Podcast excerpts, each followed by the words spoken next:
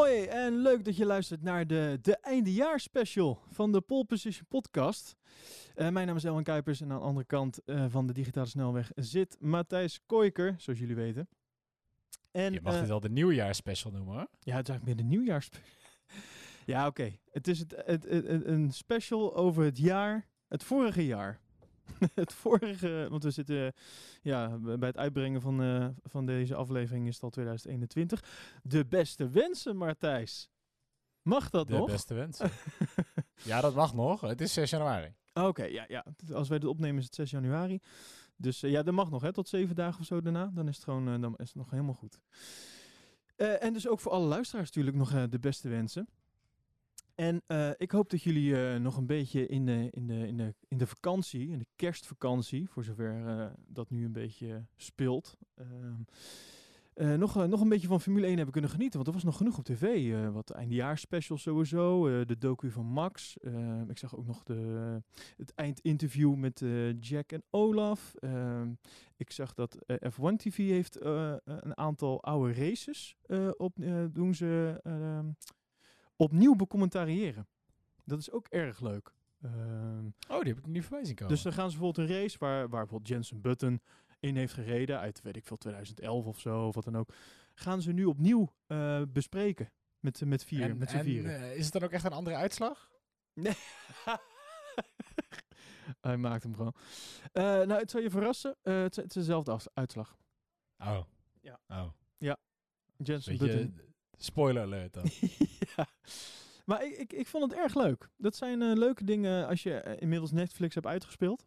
En, eh, en Disney Plus en Amazon Prime en weet ik veel wat. Oh, Amazon Prime. Heb je ook Plus. nog de, de Fernando Alonso docu? Dus ja, nou, ik heb, ik, heb, ik heb het geprobeerd, maar mijn, mijn Playstation wou niet. weigerde op te starten. Ja, iedere keer als ik hem aandrukte ging je uit. Heel Ja, flauw, sorry. flauw. Afijn, de eindejaars, nieuwjaars special, hoe je het ook wil noemen. We gaan het, eh, het bizarre Formule 1 jaar 2020 eh, bespreken. En ehm, daarvoor heb ik, eh, heb ik een, een lijstje gemaakt met wat, wat hoogtepunten en wat dieptepunten, Matthijs. Je hoogtepunten en je dieptepunten. Mijn hoogtepunten en mijn dieptepunten. Eh, en ik wilde beginnen eigenlijk met een vraag aan jou, voordat ik, daar, eh, Oké. voordat ik mijn hoogte- en dieptepunten ga brengen. Kom maar op. Ehm, eh, stel, we, hebben nu een, een Netflix die maakt, een- ma- maakt nog een special. Geen Drive to Survive, maar gewoon eh, één, één special van anderhalf uur. En dat is dan de Formule 1 2020 special. Wat gaat de ondertitel zijn? Formule 1 2020, Oh, Puntje. zo. puntje, Ja, dit is puntje, puntje, puntje. Ja, ik wilde geen, even... op- ook geen makkelijke vraag. Dit, dit, dit had ik Nee. best even kunnen voorbereiden als je dit eh, tien minuten geleden had heb ik expres niet gedaan. Formule, Formule 1 2020. Ja. Je weet toch al wie er gewonnen heeft. Ja, dat, eh, dat wordt jouw ondertitel. Oké. Eh, nou, wat wordt jouw ondertitel? Misschien kan ik nog een leuke bedenken. Ehm, Formule 1 2020. Verrassend spannend. Wat is dat nou voor ondertitel, joh? Oké, Eh, verrassend spannend. Ja, ja, ja, ja. En waarom, eh, hoezo verrassend spannend? Nou, dat, kijk, de einduitslag en, eh, is natuurlijk allemaal niet zo heel spannend. Maar het, het was toch een spannend seizoen. En daarmee bedoel ik gewoon het feit dat het werd uitgesteld. Wanneer gaan we beginnen? Welke races vallen af? Oh, er komen ineens nieuwe dingen bij. Oh, die coureur is ineens eh, positief getest. Ah, die komt, wie komt er invallen? Oh, snap je? Dat soort dingen. Het was, het was verrassend en het was spannend op een andere manier. En dat vond ik, eh, dat vond ik heel leuk aan. Dus vandaar dat ik eh, dat als ondertitel had. Verrassend spannend. En, en, en verrassend spannend omdat we van tevoren niet hadden gedacht dat het zo spannend zou worden. Omdat eh, eh, we er met z'n allen toch een beetje van uitgaan eh, dat Lewis weer zou winnen. wereldkampioenschap. oké. Dus vandaar verrassend spannend. Verrassend spannend. Vind je hem beter nu ik hem heb uitgelegd? Ja, nee, zeker. Ja, ik, kan zelf ook niks beters bedenken. Behalve eh, Formule 1 2020 krijgt toch de ziekte. Maar dat is gewoon... nee, ja, het is... op zich denk ik dat je het zo samenvat. Maar ik ben altijd een beetje bang dat je in een soort van dingen vervalt die heel snel gezegd worden. Want het, weet je, je zegt van heel veel races... Of het was ontzettend saai... Of het was toch onverwacht wel spannend. Eh, Ja, op die manier. snap je? Weet je, ik denk dat je dat van volgend jaar... Want, want wanneer zou je dat van volgend jaar niet zeggen? Nou ja, ik bedoel, als, als Lewis tekent, eh, verwachten we toch wel dat hij wint. Ja, Eh, ja, ja, ja. Ja, weet je, wat, wat maakt het dan nog spannend? Nou ja, nou ja. dat- ik, ik, ik, ik, vond het, ik vond hem zelf wel goed. ik, weet Nee, die- oh, sorry. Nee, nee, ik vond, hij is goed. ik weet niet of Ik wou, niet, ik wou niet klagen. Ik zit, ik zit nog midden in mijn 21 dagen niet klagen eh, challenge, dus ik wou zeker niet klagen. Oh, dat is spannend. Dat je in die tijd een p- podcast gaat opnemen met mij. Ja, ik, dat was ook geen, geen hele goede. Maar de, kijk, de, de regel is, je mag wel klagen als je ook een oplossing biedt. Je mag wel klagen als je een oplossing biedt. Nou, dan Als je ben direct een oplossing biedt. Oh, dus bij deze, ik vond het een hele goede eh, ondertitel. Eh, en ik denk dat je niet moet solliciteren bij Netflix. Wat zeg je dat toch netjes? Ja. Oké, ik ben ook trouwens benieuwd, eh, de luisteraars, of die een, een leuke ondertitel voor mijn, voor mijn Netflix-docu hebben. Nou, dat vind ik een hele goeie. Laat, dat, dat is iets om op de socials te knallen. Ja, laat het ons weten Wat via Instagram. Jij een goede ondertitel? En dan ga ik ondertussen nog even nadenken of ik een leukere kan bedenken dan de twee flauwe die ik tot nu toe had. Dat is helemaal goed. Pole Position NL op Instagram en anders via onze Slack. En ehm, de link daar naartoe vind je in de, eh, in de bio van onze Instagram-account.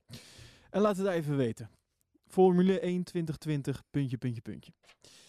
Nou, laten we dan gaan naar, eh, naar het seizoen. Ehm, ik heb, ik heb eh, dus mijn hoogtepunten, ik heb wat, ik heb wat dieptepunten en ik heb wat, wat, wat, wat feitjes. Wat, wat statistieken. Wat, eh, wat vind je leuk? Begin met een feitje. Elwin, gooi feitjes op me. Eh, een feitje. Ehm, nou, de, de Formule 1 kalender. Wij zijn dit se- afgelopen seizoen eh, 112 dagen later dan gepland gestart. Dat is heel laat. 112 dagen is erg lang. En het, eh, het ziet er dus nu ook alweer naar uit. Dat, eh, dat, dat was natuurlijk de, de race in Australië die eh, op de, op, in het weekend zelf werd geannuleerd. Ehm, en vanaf dat, vanaf dat moment was het tot en met juni, dus maart, april, mei en juni, was het stil. Althans, even werd er niet geraced. Pas in juli werd er geraced. Op 5 juli gingen we, gingen we weer eh, voor het eerst racen. En dat is, eh, ja, wat je zegt, dat is een lange stilte. Dat is eh, niet veel voorgekomen in de Formule 1. Dat dat, is het wel eens was. eerder voorgekomen dan? Het is wel eens eerder voorgekomen. Oh jeetje, nou zet je me weer voor het blok. Tijdens de Tweede Wereldoorlog. Oh. Ja, dat, zijn vaak, dat is vaak met dat soort dingen. Ja. Ik ben heftig aan het bladeren, maar ik weet niet of ik dit nu voor jou ga vinden. Oké, Eh, nee, ik, ik denk, je zei het op zo'n manier dat je denkt, nou, dit is... Want bij mijn weten, laat ik het zo zeggen, sinds ik geboren ben, en dat is inmiddels langer geleden dan dat ik toe wou geven, ehm, is het nooit eerder gebeurd, 112 dagen. Het oude record staat op 27 mei 1951. Vraag me niet hoeveel Huh? dagen. Maar ik- dat ja, is ik wat wou het zeggen, weet. dan begonnen ze in de winter of zo? Nee, ja, dat weet ik niet. Dat, eh, dat, Nou d- zover staat dat niet beschreven. Ik heb wat feitjes gewoon opgezocht, maar dat... eh, Nee, ja, hartstikke- nee maar goed. dus dat, En ja. bizar, en eigenlijk vind ik nog, nog meer bizar is dat we zo ongelooflijk veel races in de kalender hebben kunnen proppen. Ja, absoluut. Ik, ehm, ik was vrij kritisch in de, eh, de eerste aflevering eh, van onze podcast eh, van dit seizoen eh, op, eh, op de FIA en hoe zij hiermee om zijn gegaan met, eh, Ja. in, in Australië. Eh, en eerlijk gezegd, eh, daar ben ik het nog steeds mee eens. Daar hebben ze best wel een, eh, de plank misgeslagen, maar hoe ze het daarna hebben opgepakt, daar heb ik, eh, nou, daar heb ik veel respect voor. Dat hebben ze echt, eh, ze hebben zichzelf wel gerevancheerd, om het zo maar te zeggen.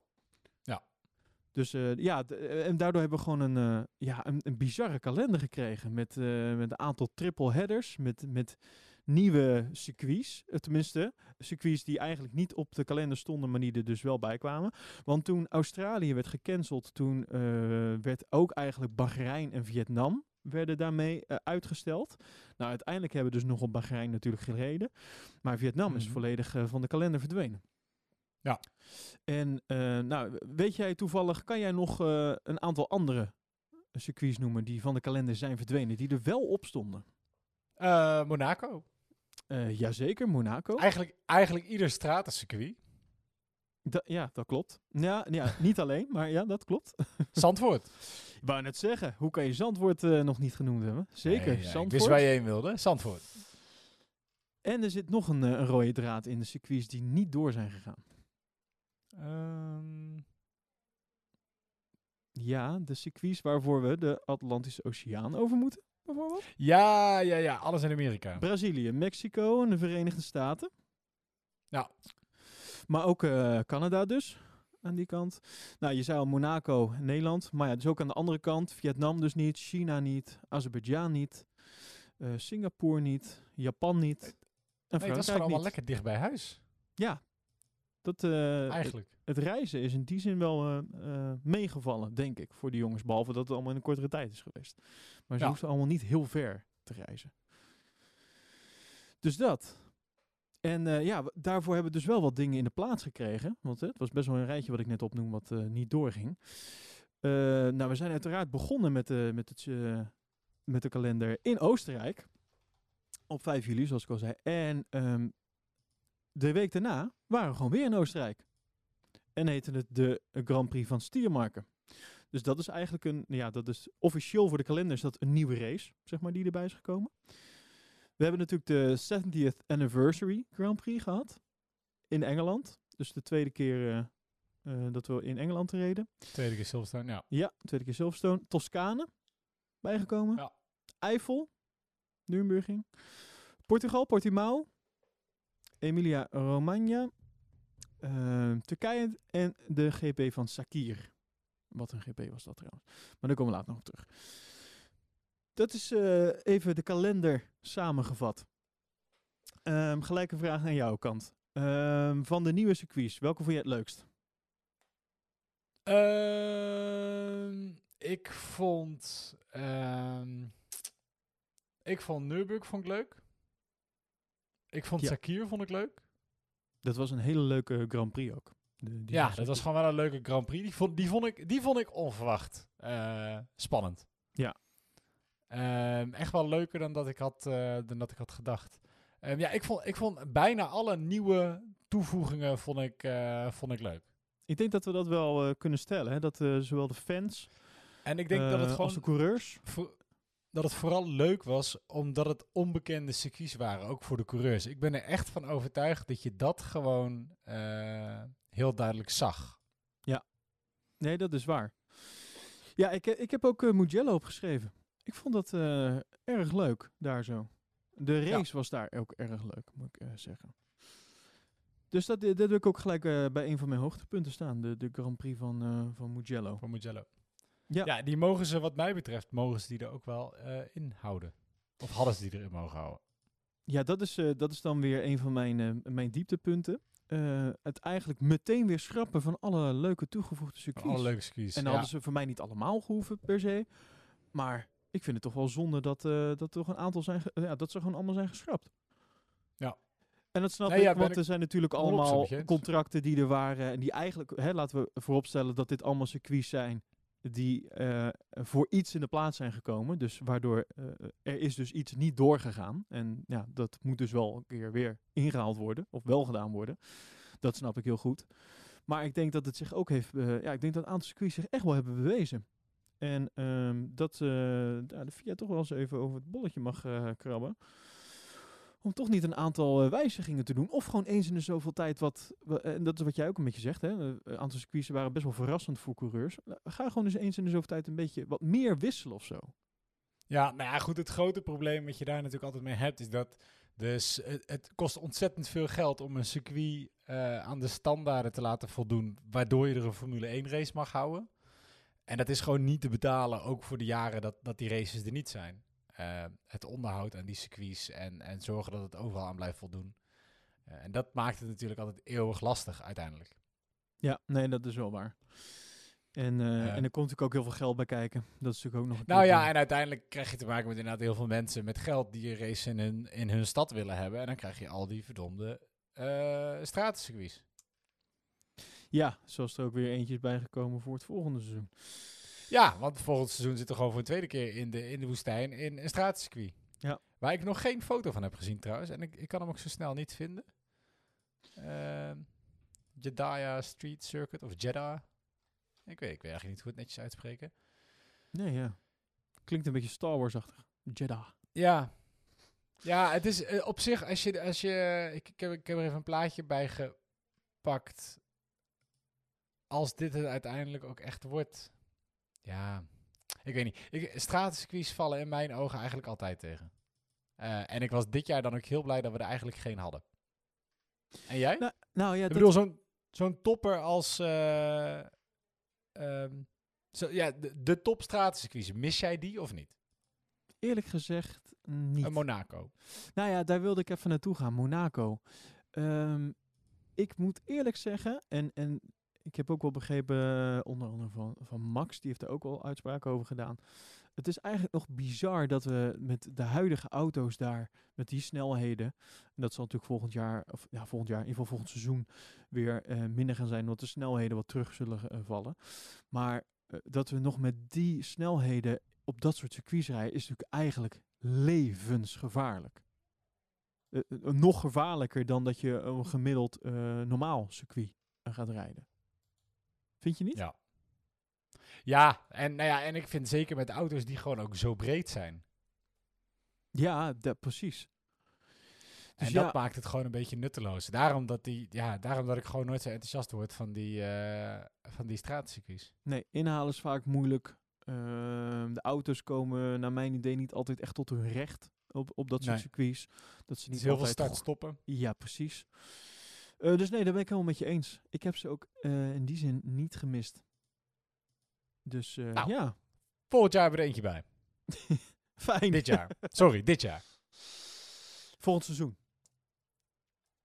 Ja, dan ehm, zal, ik, zal ik gewoon eens even een hoogtepuntje erin gooien. Ja, dus even, wat zijn jouw hoogtepuntjes en dieptepuntjes van het afgelopen jaar? Ehm, nou, eh eerste hoogtepunt wat, eh, wat mij te binnen schoot. En ik denk dat heel veel mensen dat toch wel op die manier een beetje hebben ervaren. Dat is Nico Hulkenberg even terug in de Formule 1. Ja, op, op- hoezo was dat een hoogtepunt voor jou? Ehm, nou, dat was toch een beetje... eh, Nico heeft best wel de gunfactor. En ehm, het feit dat hij terugkwam, dat was natuurlijk eh, gewoon de manier waarop hij terugkwam. Eh, het Mhm. belletje dat hij aan de koffie zat, weet je wel. En dat hij dan, oh ja, even wordt ingevlogen. En hoe hij dan toch even een prestatie... Ja, dat eerste weekend, dat was dan even jammer. Maar dat tweede weekend, eh, gewoon hoe hij dan presteert in een auto... terwijl hij er zo lang af, eh, al niet meer in heeft gezeten. Hè, voor, zijn, voor een coureur zijn doen dan. Ook niet meer traint ervoor op, op die manier. Ja, vond, en, en dan iedereen hoopt dan toch, hè, van misschien kan hij dan toch een potje breken in die, in die Racing Point. Want daar gaat het dus over. Mhm. Ja, ik weet niet. Ik vond het wel een hoogtepuntje. Ik, eh, dat is een soort van. ehm, het, daarmee werd het, ehm, het seizoen nog meer op zijn kop gegooid. Tot die tijd waren natuurlijk nog geen besmettingen bij coureurs ook. Eh, vanaf dat moment dus wel. En ehm, ja, mocht Hulkenberg dus eh, een plaatsje overnemen. En op dat moment wordt dan even dat hele circus wordt dan weer even opgeschud. En dat vind ik leuk. Dat, dat, eh, kijk, ik vind het dan niet leuk dat er positieve gevallen zijn. En gelukkig is, eh, is niemand eh, er ernstig, heeft er ernstige dingen aan overgehouden. Geen van de coureurs die besmet is geweest. Maar ehm, nou, ik, ja, ik vond het erg leuk. Ik vond het leuk om Hulkenberg toch weer even terug te zien. En dan gelijk weer een soort van dat ge- gezamenlijke hoop. en in die gunfactor die er dan meteen weer is Ja. voor die jongen. Dat vond ik gewoon Ja, iedereen is wel blij dat hij erbij zit. ja, toch? En, ook, heb ik het idee. En als hij dan weer achter die camera staat, dan denk ik, ja, vind ik toch leuk. Ja, hoort Denk hier je- gewoon. Denk je dat we hem komend jaar nog gaan zien?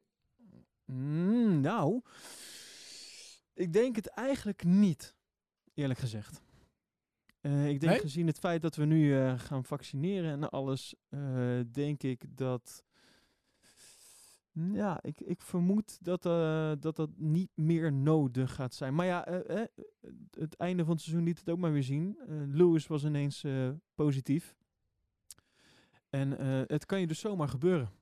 Ja, En- ze willen- en momenteel, as we speak, is Norris positief getest. Precies. Dus ehm, ja, het, het, het kan altijd. Maar ik, ik, ik denk niet dat we het gaan zien. Kijk, Formule 1 was, was al zo'n enorme bubbel. Hè? Het is dus op zich al bijzonder dat er toch nog wat dingen doorheen zijn geglipt. Ja. Ehm, maar ik vermoed met de. Ik, nou, ik hoop dat de, de, de veiligheid eh, wat omhoog gaat, de besmetting, nou, de mate van besmetting wat daalt. En dat dat in combinatie met, met de, de bubbel die Formule 1 probeert te creëren en nog in stand zal houden komend seizoen. Tenminste, daar ga ik wel van uit. Ze zijn heel positief met kaartverkoop en zo, maar ik ben heel erg bang dat dat echt nog niet gaat zijn. Ehm, maar ik denk dat in die combinatie dat we, nou, dat de, dat de rijders wel safe zitten. Ja. Maar eh, you never know. Ik denk dat Hulkenberg toch iets meer zal trainen komende tijd. ja, ik vrees, zelf, eh, ik vrees zelf dat we hem niet meer gaan zien. Ik denk ook, weet je, hij wordt ook wel eh, ouder nu. Ehm, en door de roulatie, de wisselingen die we hebben gehad, zitten er ook nog weer meer mensen eh, op een bankje. Ja, precies. Ook dat, ja. Ja. Dus weet je, waarom, waarom zou je dat doen? Als er iets bij Mercedes gebeurt, dan, eh, dan zetten ze de Russell naar voren. Eh, ze hebben nu bij Red Bull hebben ze Albon als natuurlijk de reservecoureur. Ehm, Ik kan me ook voorstellen dat hij in zou vallen bij een Alfa Tauri als dat gebeurt. Nou ja, ik, zie, ik zie het allemaal niet zo... Je, misschien als er bij Renault iets zou gebeuren. Ja, dan zou dat... Dat Klopt. ze weinig mensen hebben om op terug te grijpen. Maar ik weet, ik weet niet zo uit mijn hoofd die reservecoureurs bij Renault zijn. Maar ja, ik weet niet. Ik, ik denk toch dat dit het misschien wel was voor Hulkenberg. Dat denk ik ook, helaas. Zonde. Laten we doorgaan naar het dieptepuntje. Ik vind het, ik vind het, eh, ja, ik, ik vind het niet leuk om, eh, om als ik nu doorga met mijn hoogtepunten, dan eindig ga ik alleen nog maar met dieptepunten. Zo'n trieste einde van de podcast. Dus laten we het een beetje om en om doen. Dieptepuntje. Ehm, nou ja, is maar eigenlijk één woord. Ferrari.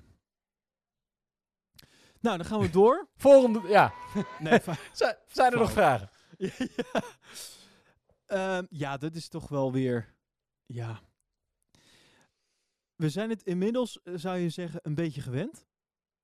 En toch is, blijft het heel erg pijnlijk. Ik denk dat dat een beetje de samenvatting is van, van ehm, hoe ik er in ieder geval al naar, naar kijk. Ja, ik, en ik denk, ik denk bij Ferrari eh, een hele hoop mensen ook. Ehm, en, en als we dat doortrekken naar het komende jaar, dan denk ik dat we dit gewoon eh, in, in 2021 ook gaan zien. Ja, zoiets hebben ze zelf ook al gezegd. Hè?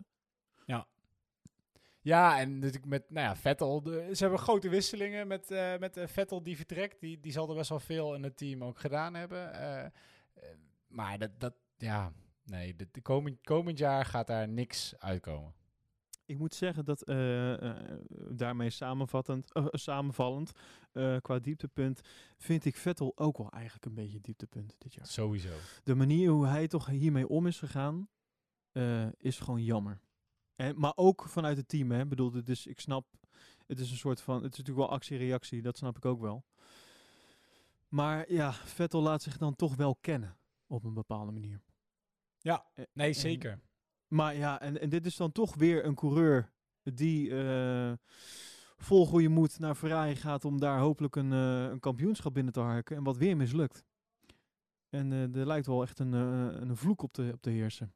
Ja, ik denk team. Ferrari is zowel een vloek als een zegen. Absoluut. Of een zegen als een vloek. Eh, eh, de- nou ja, het is ook heel erg afvragen wat, wat Sainz dus komende jaar gaat doen daar. Ehm, want ik denk geld dat dat nog wel iets, iets, iets wordt voor, voor het komende jaar. De, de combinatie met Sainz en Leclerc bij Ferrari.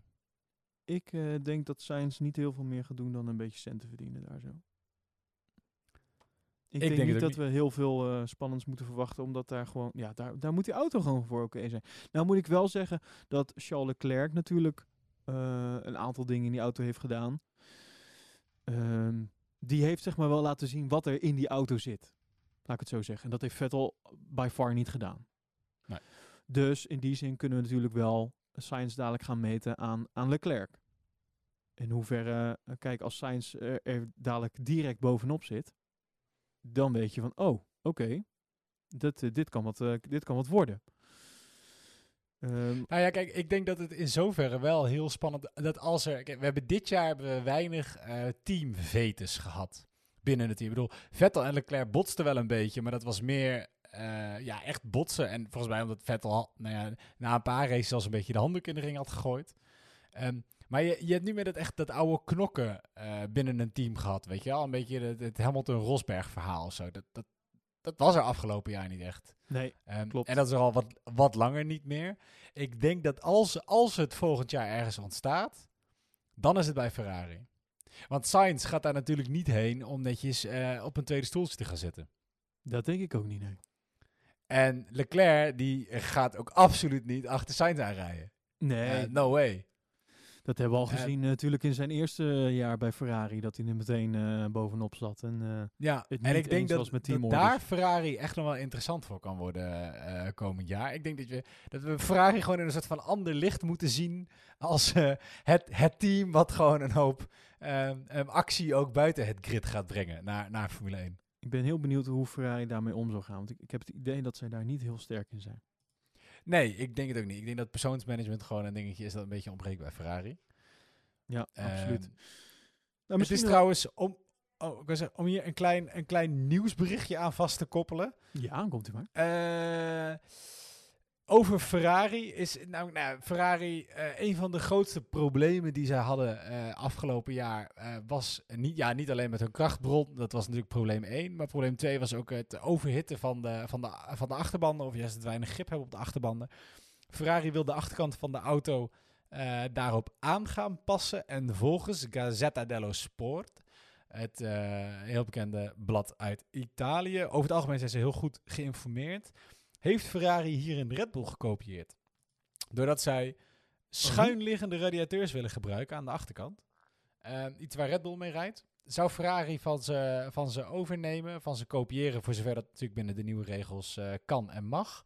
Ehm, om op die manier eh, ja, meer ruimte te hebben voor een nieuwe achterwielophanging. En, eh, en daarvoor te zorgen dat, dat de auto wat stabieler wordt en ze minder last hebben van die extreme slijtage die ze vaak hadden. Oké, oké, ja, want En- ja, eigenlijk misten ze natuurlijk alles. Ze misten Ja, eh, ze misten alles. Ze misten downforce. Ze, alles misten ze gewoon aan die auto. Nee, maar goed, weet je, dit snijdt natuurlijk aan twee kanten. Want één, je houdt meer banden over. eh, dat werkt. En twee, je hoeft minder pitstops te doen. En dat scheelt al snel 30 seconden. Bij Ferrari. Ja. dus Nee, ja, dat, eh, absoluut waar. Ik, ehm, ja, ik moet wel eh, zeggen, ik, eh, ik noemde natuurlijk Vettel net eh, bij, bij mijn dieptepunten. Ik moet wel zeggen dat, kijk, de manier waarop hij natuurlijk aan de kant is gezet, is echt alles behalve netjes. Toch?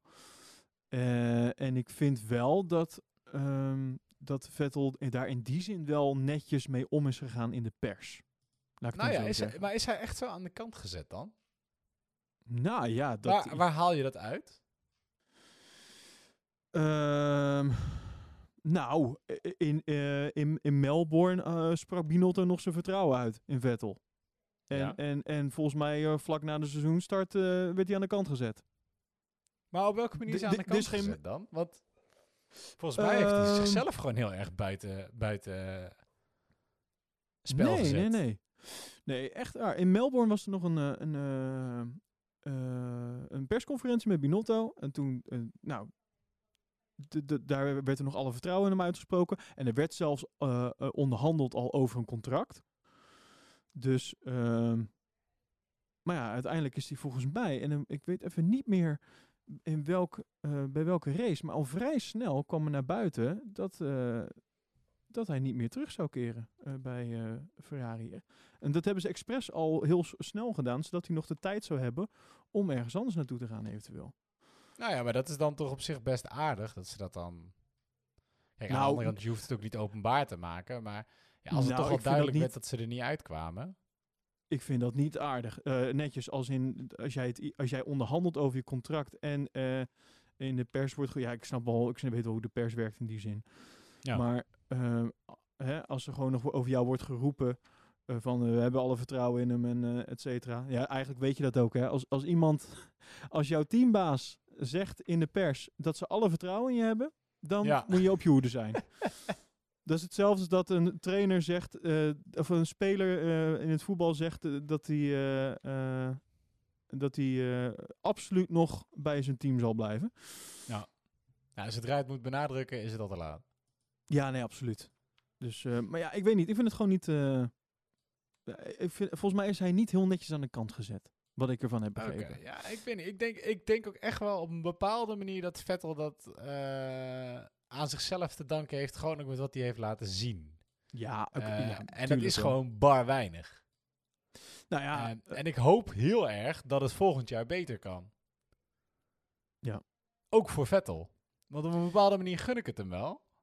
Eh, Ja. Maar nou ja, als je het afgelopen jaar keek, dan was het, eh, dan was het gewoon heel, heel kwalijk. En dat is een combinatie natuurlijk van rijder en auto. Maar ja, weet je, als Leclerc het wel eh, eh, kan, laten, kan laten zien. En ik vind ook, je zag bij hem zo duidelijk dat, dat zeker in de tweede helft van het seizoen, hij leek gewoon een beetje gebroken.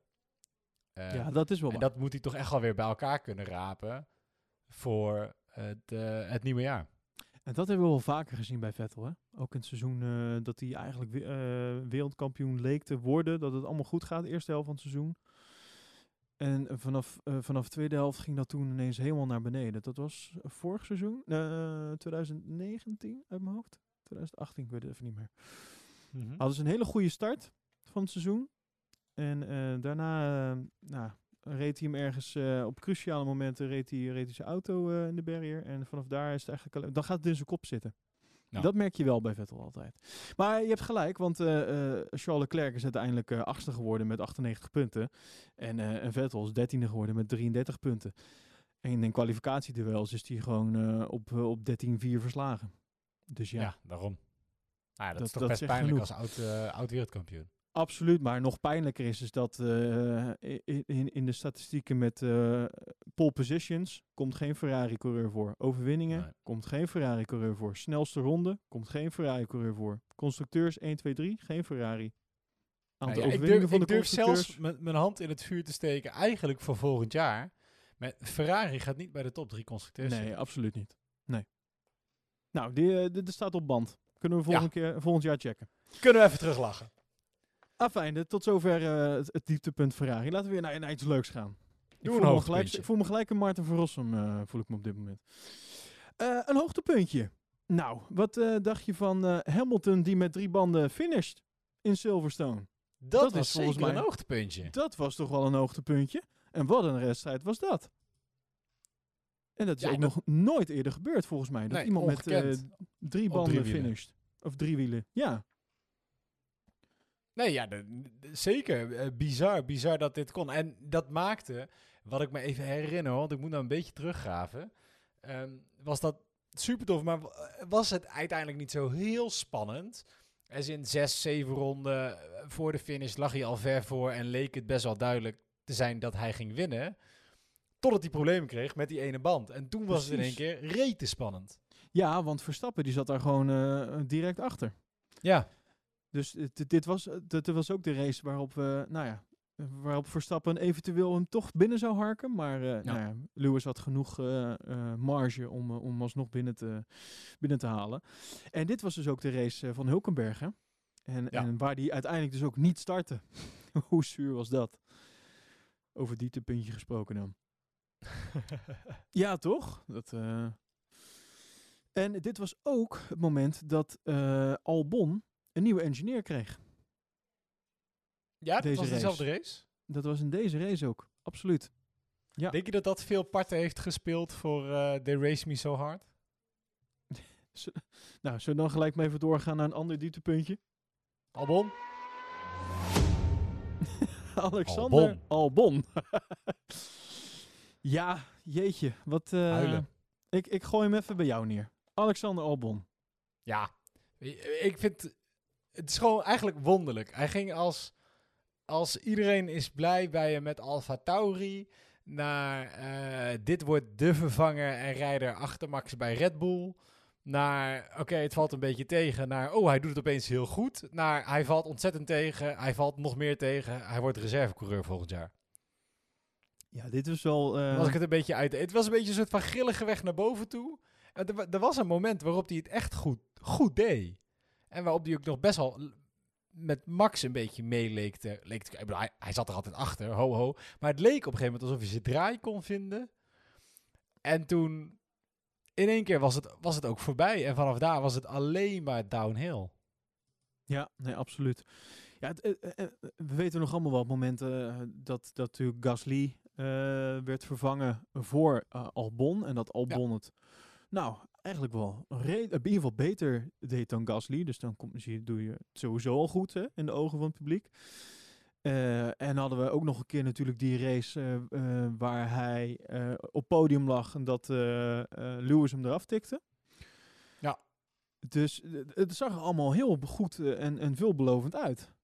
Ja. Ehm, maar zeker vanaf, vanaf dit seizoen, of afgelopen seizoen dan, ja, is het, is het heel snel downhill gegaan. En dat is in zijn kopje gaan zitten en dat is er echt niet meer uitgegaan. En, en Red Bull heeft er... Nou, hij heeft, ik vind het goed van Red Bull dat ze toch hebben volgehouden door nou, onder andere een engineer, eh, andere engineer op te zetten. Eh, toch steeds vertrouwen uit eh, Horner bleef toch best wel achter hem staan, hè, heel de tijd. En dat, dat is, nou, vind ik Horner ook wel sieren, moet ik eerlijk zeggen. Ehm, ze hebben denk ik wel geleerd van Gasly.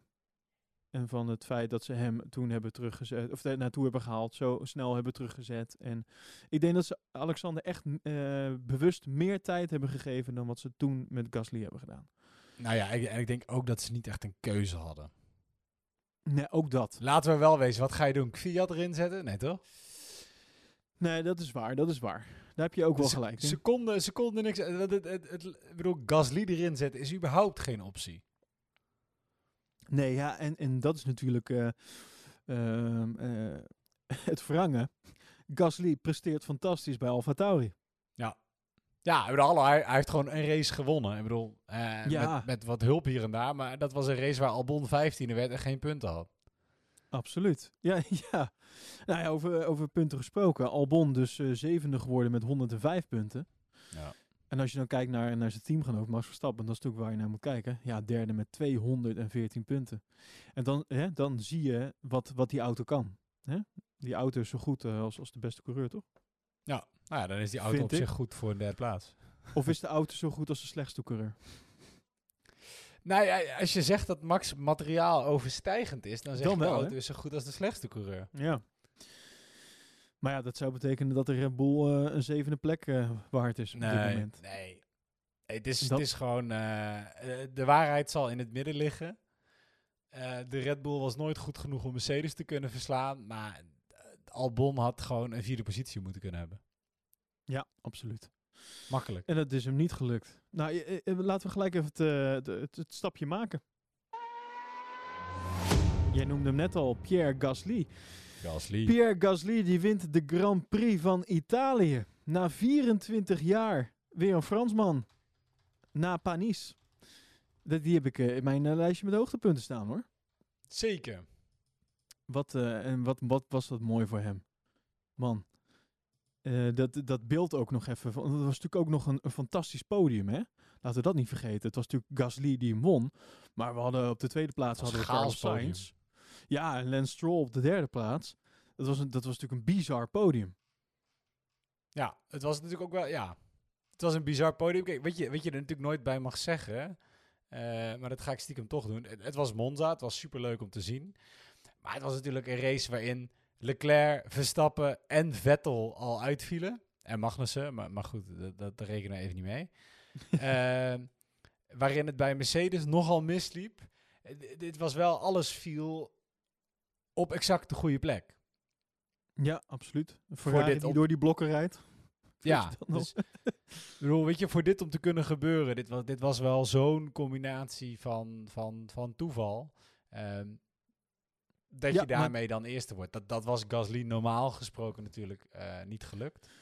Maar ik mag niet zeuren, dus hij heeft het heel goed gedaan. Ja, precies. Desalniettemin, hij zat er gewoon wel. Hè? Ik bedoel, ook, ook dan moet je er gewoon zijn. Net zoals dat Vettel er zat op het moment dat Leclerc de fout in ging. Nee, zeker waar. Ehm, dus ja, ehm, maar door, de, door die overwinning heeft hij, eh, heeft hij toch wel een aantal, eh, nou niet records, maar eh, hoe noem je dat? Dingen die lang niet zijn voorgekomen. Ja. zo, een eerste niet-top-team zegen sinds 2013. De eerste Franse racewinnaar sinds Olivier Panis. En de eerste en pas tweede zegen voor Alfa Tauri. Na Sebastian Vettel in 2008. Eveneens Zo, in Monza trouwens. Ja, daarom. Dus, eh, en laat niet vergeten, hij had überhaupt al een hele, heel goed weekend. Mhm. Want, eh, eh, dat weet ik nog, dat hij had sowieso een heel goed weekend. Dus dit was eigenlijk ook een beetje ja, de kroon eigenlijk op, op, op, op, de, op de rest van, op zijn vrijdag en ook op zijn zaterdag. Dus ehm, Ja, en dan eh, vooral even dat shot van, die, van dat podium, dat hij daarna nog even in zijn eentje zit. Dat was toch Ja. zo mooi. Een van, ik denk een van de mooiste foto's, vind ik, van dit seizoen. Ja, nee, Een zeker. van de mooiste beelden.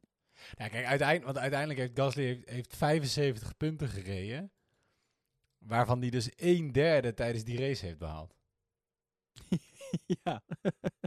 Een derde van zijn puntenaantal heeft hij tijdens zijn race eh, heeft, heeft hij daar gehaald. Hij heeft, eh, wat is het, eh 1, 2, 3, 4 races heeft hij überhaupt geen punten gescoord. Los van de races dat hij is uitgevallen. Want er zijn er ook nog eens drie. ja, klopt ja. Dat is waar. Hij heeft Ja. echt maar weinig, eh, wei- weinig keren met fatsoenlijke punten de, de finishlijn behaald. Nou, als we hem dan even gaan vergelijken met zijn eh, teamgenoot eh, Daniel Kvyat, die we ja, ook helaas niet terug gaan zien volgend seizoen. Dan zien we dat Gasly uiteindelijk in, het, in de stand tiende is geworden met 75 punten. En Kvyat veertiende met 32 punten. Ja.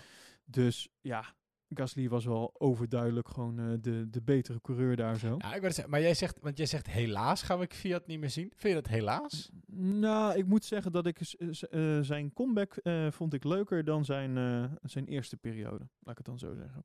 Ja. Dus ik, ik, ik, ik heb me eigenlijk helemaal niet zo gestoord dat ik Fiat. Sterker nog, ik heb bij Vlaag heb ik, nou ja, genoten is misschien een heftig woord, maar gewoon vond ik het gewoon fijn dat hij erbij was. Laat ik het zo zeggen. Ik, ken, ik kan een aantal coureurs opnoemen die ik liever eh, kwijt ben. Alonso. Ehm, leuk feitje over Fiat. Wist Nou, jij? Dat hij dus met 13-4 verloren heeft in de kwalificatieduels van Gasly. Echt waar? Of, ja, of bedoelde je dat niet? Nee, ander leuk Oh. feitje over Fiat. Wist je dat Fiat de minst gekozen coureur is bij F1 Fantasy? Echt waar? Wereldwijd. En dat is... eh, en de, na hem, de op één na minst, de op één na minst gekozen coureur is Latifi. En daarna Giovinazzi. Giovinazzi. En drie keer raden wie ik in mijn eh, team heb. Giovinazzi. Wauw. Ja, dan had je gewoon Ja. geld over. Ja, nee, nee, ik had te geld te weinig, dus ik moest, maar ik moest het wel opvullen. Ja, ja, ja. Nee, maar ik bedoel, dat is, dat is toch best pijnlijk. Dat laat er wel een beetje zien hoe de rest van de wereld je inschat. Dat is wel waar. ah, fijn. Zullen we weer eh, naar... eh, het wordt veel te gezellig. Zullen we even een dieptepuntje pakken? Nou, vooruit. Ehm, ik heb hier staan eh, Racing Point in het algemeen. Wat een dieptepuntje? Nou ja, dat ja. Nee. maar ik, ik zal niet weer over de rant Nee. beginnen die ik, die ik twee of drie afleveringen geleden al een keer heb gehouden. Ehm, eh, ik heb het ook niet per se over de coureurs. Want ik, eh Perez heeft eh, fantastische dingen laten zien, inclusief een zegen. Stroll heeft zowaar op het podium gestaan. Eh, daar heb ik het allemaal niet over. Maar ik heb het gewoon over de houding van het team Racing Point. Dat vond ik echt een dieptepuntje dit jaar. En dat begon natuurlijk met, met het kopiëren hè, van de Mercedes. je zou bijna vergeten dat het daarmee begon. Ja, eh, laten we ook niet vergeten de, de hele Breakdux-affaire en, en de, de protesten die daar tegen eh, zijn geweest door onder andere Renault. En dat ze uiteindelijk straf kregen daarvoor. En eh, puntaftrek en, en, en ehm, een boete, geldboetes. En vervolgens de, de week erop er weer stonden natuurlijk met diezelfde Breakdux. Want ja, hoe ga je dat zo snel vervangen? En dus Mhm. weer een aanklacht kwam. En nou ja, afijn. Ik, eh, eh, ik kan me ook nog de, het, het filmpje herinneren van eh, een wit hete Lawrence Stroll. Ja. Kan je dat nog herinneren? Dat, ik, ik weet niet, de hele houding. Het, onder andere het feit dat Stroll positief was getest op corona. En het hele verhaal daar rondom, waar eigenlijk geen zak van klopte. Maar waar ze gewoon niet eerlijk over waren naar buiten Huh, toe. dat was, je hebt het net toch over Perez. Dat was toch dat hij naar zijn moeder was gegaan, dat hij terug was gevlogen? Ja, dat hebben we ook nog gehad. Nee, nee, nee. We hebben ook nog een gevalletje Stroll gehad. Uh-oh. Ja, Dit, ja, heb ja, ik duidelijk, dit heb ik duidelijk verstopt in mijn geheugen. Maakt niet uit. In ieder geval, ik heb me enorm geërgerd aan de houding bij vlagen van Racing Point. Oké. Eh, iets wat arrogant. Ehm, altijd naar andere wijze. Zij zijn zelf nooit de schuldigen. Eh, dus ja, dat, dat, vond ik, eh, dat vond ik een dieptepuntje. Eigenlijk. Eh, want, kijk naar, nou zeker naar Perez. En die zijn ze dan volgend jaar ook kwijt. Ja, die heeft fantastisch gepresteerd. Toch? Zeker. En, ook, en zelfs Stroll, en dat, nou, dat ik dit nog uit mijn bek krijg, maar Stroll heeft bij hele kleine vlagen ook echt wel iets laten zien. Ik wou zeggen, hij heeft evenveel punten als eh, Gasly, hè? En dat zonder Ja. een podium. Daarom. Nou ja, zo- oh, zonder een eerste plek. Twee Wou keer een zeggen. podium maar liefst. Ik wou net zeggen, hij heeft twee keer een podium, geen eerste plek. Ja, twee keer een podium. Twee keer is hij vierde geweest. En wat dacht je van een pole position? Hey. Ja, ik, eh, ik vond juist... Wat dat, ik, in het begin vond ik Racing Point ook tegenvallen. Het hele kopiëren was een beetje flauw. Eh, maar goed, weet je... Ja, aan de andere kant... eh, Formule 1 heeft altijd bestaan uit mensen die de regeltjes een beetje aan een laars lappen. En die eh, echt het maximale opzoeken binnen de regels die er zijn. Nou ja, dat hebben ze kennelijk gedaan. Was uiteindelijk de beslissing. Eh, en dat helemaal achter me gelaten, vond ik dit seizoen met Racing Point juist leuk. Ik vond echt, Ja. Perez heeft veel laten zien. Stroll verbaast me. En die, die zegt, ik ben hem langzaam... Nou, ik ben hem niet leuk gaan vinden, maar ik ben het in ieder geval grappig gaan vinden als hij het goed deed. Ze hebben een stoeltje gegeven aan Hulkenberg.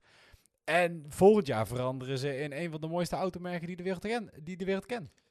Nou, maar ik hoop dus heel erg, want, want dat is het ding. Ik, eh, eh, ik, het gaat ook niet om de coureurs. Nou ja, Stroll kan ik ook bij Vlagen echt uitkotsen. Ja. Maar, ehm Ja, wat grote vriend Vettel gaat erheen. Ja, nou, grote vriend. Nee, maar eh, wat ik al zeg, het is, het, het is niet per se de coureurs, eh, behalve dan Stroll op heel veel momenten. maar het is, het is gewoon de hele houding van dat team. En Ja. ehm, eh, dat staat me gewoon niet aan en dat is gewoon niet veranderd. En ik hoop gewoon niet dat ze die arrogantie blijven houden. Waarom, waarom vind ik Alfa Tauri gewoon een heel prettig team? Qua hoe ze naar buiten treden, gewoon de manier. Snap je? Waarom is Red Bull gewoon een heel prettig team? Christian Horner, die je gewoon aan het, aan het woord ziet, gewoon heel fijn. Als ik dan die. eh, ja, ik weet het niet, man. Ik, Nee, ja, eh, ik snap het wel een beetje. Ik heb het ook een beetje met Racing Point. Ik heb dat nog meer met Renault bijvoorbeeld. ik vind die maar- ook. Ik weet het niet. Nee, ja, ik ben, het, ik ben het met je. Het is niet mijn meest favoriete team. Ik vind er gewoon geen dieptepuntje. En ik hoop, ik denk ook wel dat het goed voor ze is. In zoverre voor de pers dat ze nu een hele nieuwe naam krijgen. Ik denk dat dit ook wel een soort van uitgelezen moment was. Om een, eh, een soort van nieuwe start te proberen te maken. Ja, en ik hoop dat dat dan ook eh, meteen een nieuwe start is in, in hun houding. Eh, Ah. ja, hun, hun beste coureur eh, van afgelopen seizoen gaan ze dus gaan ze wel verliezen. Dat is Sergio Perez, want die is gewoon netjes vierde geworden met 125 punten. Daarentegen zijn teamgenoot Lance Stroll elfde met 75 punten. Dat is toch wel, toch wel pijnlijk hoor. Dat is best wel, een gat. Echt een heel groot gat. Ja. Maar ja, hè, papa betaalt. Dus dan, dan blijven we daar. Ehm, hoogtepuntje? Hoogtepuntje.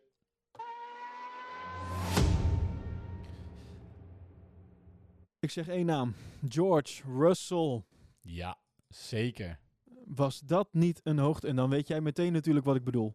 Het is ook wel een gecombineerd dieptepuntje eigenlijk. Eigenlijk wel, ja. Ja, ja, ja. Maar ik heb hem toch als hoogtepuntje opgeschreven. Nou. Maar ik, nou, ik heb hem als hoogtepunt opgeschreven. En ik heb als dieptepunt heb ik opgeschreven pitstop Mercedes, Bottas en Russell. Ja. Dat, eh, dus, dus, maar ik, vind, ik vond het weekend van George Russell in die auto en de manier op dat dat is gegaan, en, nou, dat vind ik echt een van de hoogtepunten van afgelopen seizoen. Ik denk dat eh, George heeft bewezen ja, dat het misschien toch niet zo heel moeilijk is om kampioen te worden in die auto. Of ga ik Eh, nou op tenen trappen? Nee, ja, de, de- ik bedoel, als iemand, je, je bent normaal iemand die heel lovend is over wat voor mega talent Russell zou zijn. En dat, dat haal je daar misschien een beetje mee onderuit. Nee, da, da, dat wil ik ik, ben zeker niet meer afdoen hoor. Maar, Ik ben maar, wel kamp, in, in een hele goede auto word je wereldkampioen. Ik denk dat er momenteel zes, zes mensen op het grid zijn die wereldkampioen zouden worden in die auto. Ja, maar Bottas niet. Dus dat is niet helemaal waar. Ehm, maar eh, eh, sterker nog, George die reed Bottas echt snot om de oren. Laten we eerlijk zijn. Alleen Ja, de ja. kwalificatie niet. Nee, tuurlijk, maar dat, doet- dat doet er niet aan af dat, dat, dat die auto wel zoveel bepalend is. Ja, absoluut. Nee, nee ja, natuurlijk. Kijk, weet je, en het is Lew- Lewis Hamilton die heeft officieel nu niet getekend voor volgend jaar. Ik denk wel dat dat gaat komen, maar hè, vandaag kwamen de berichten naar buiten dat hij eh, dat hij het contract geweigerd zou hebben. Ehm, ik denk bijna ook omdat Mercedes gewoon bij hem voor kan houden. Ja, maar vriend, als wij Russell in die auto zetten, dan wordt hij ook gewoon een wereldkampioen. Ja, daar kunnen ze natuurlijk wel lekker mee schermen op dit moment. Wat ze Want- volgens mij en ik denk ook dat het zo is. Ik denk dat als je Russell in die auto zet, dat hij Max het nakijken geeft. Dat, dat geloof ik zomaar.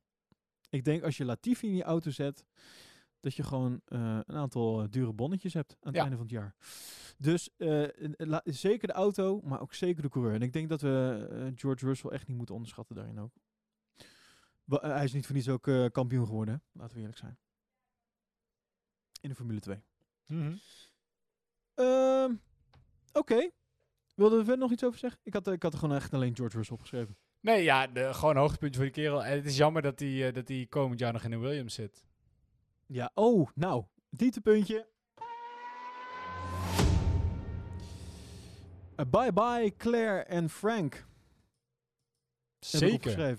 Dat was, dat was toch wel een dieptepuntje. Nou ja, d- d- daar was zeker een dieptepuntje. En daar kan ik meteen een, een tweede dieptepuntje aan koppelen. Oh, Eh, en het is een, eh, een, een nieuwsdieptepuntje wat vandaag naar buiten kwam. Kijk, Claire en eh, ook Frank hebben zich altijd heel hard gemaakt voor het feit dat zij, eh, dat Williams is, weet je, het privateerteam. Ze doen alles in-house. Ehm, ja, weet je, dat was Williams. En dat zou niet veranderen. En ze werden geen satellietteam en ze werden niet, nou, gewoon, ze wilden blijven zoals ze waren. En met het vertrek van Claire Williams is dat natuurlijk ook meteen het raam uitgegaan. Want vandaag werd bekend dat Williams een technisch partnership met Mercedes heeft getekend voor 2022. Waarbij ze naast de motor ook versnellingsbak en eh, diverse andere onderdelen direct vanuit Mercedes geleverd krijgen. eh, Racing Point 2.0. Nou ja, bij- bijna wel. Je kan geval zeggen, naar mijn gevoel is de, de ziel van Williams is er, eh, is er ook een beetje uit zo. Op deze manier wel, ja. Ik, bedoel, het was, te dat... het was te verklaren, want het is niet meer te doen als een klein team. Eh, Je kan het gewoon niet bijhouden met de hoeveelheid geld die het kost om dit soort dingen zelf te doen. Maar Nee. dit wordt gewoon een Mercedes 2.0. Ja, nee, daar heb je helemaal gelijk in. En Ik moet want ik wilde eigenlijk nog als positief puntje maar erbij zeggen. Maar ja, met dit, dit nieuwsbericht haalde het wel onderuit. Ehm, maar het positieve punt was, is dat ik eigenlijk vond dat gedurende het seizoen... eh, ik juist wel vond dat, die, dat, er, dat er niet teniet werd gedaan aan die, aan, aan die historie van Williams. Nee. je? Dat, ik vond dat het juist heel netjes werd gedaan. Maar eh, ja, eh, dit bericht, eh, dat haalt het wel meteen onderuit. Ja, Ja, dus dat is terecht. zonde. Wa- wa- wat vind je terecht? Ook bijvoorbeeld dat Claire Ja, Williams gewoon weg... Ja, weg terecht dat Claire Williams is gegaan. Zeker. Ja. Die heeft het gewoon niet kunnen laten zien. Ehm, en, en heel Williams heeft het gewoon niet, eh, niet, niet, niet goed genoeg gedaan. Zeg niet dat het per se door haar kwam. Ik denk dat het de samenloop van een hele hoop omstandigheden eh, was. Maar ik denk dat het ook gewoon laat zien dat je, dat je het bijna of dat je het niet meer kan doen als zo'n privateer team. Nee, ja. De trieste waarheid misschien wel, ja. Ja, Wat, wat wel grappig is, is dat eh, Williams is het, eh, het team wat het meeste vorderingen heeft gemaakt. Ze zijn anderhalve seconde sneller dan eh, vorig jaar. ja, maar dat is ook niet heel dat- lastig. Nee, ja. Maak het nou niet gelijk 21 dagen niet klaar. Ehm, maar dit is, dit is wel wat ze nodig hadden. En, eh, en ze hebben het gelukkig gevonden. En dat hebben ze gevonden zonder dat ze Mercedes nodig hadden. Dus de, er was ehm, dat in combinatie met het feit dat, dat natuurlijk eh, het team werd verkocht. Ja, ehm, is misschien gewoon een nieuw tijdperk aangebroken. Maar ook wel weer de weg terug naar boven. Dus het is ook hoop, laat ik het dan zo zeggen. Je bent gematigd enthousiast. Oké. George Russell is 18e geworden uiteindelijk met eh, drie punten in, eh, in de standings. En, en ja, Nicolas Latifi 21e met 0 point. Ja, helaas.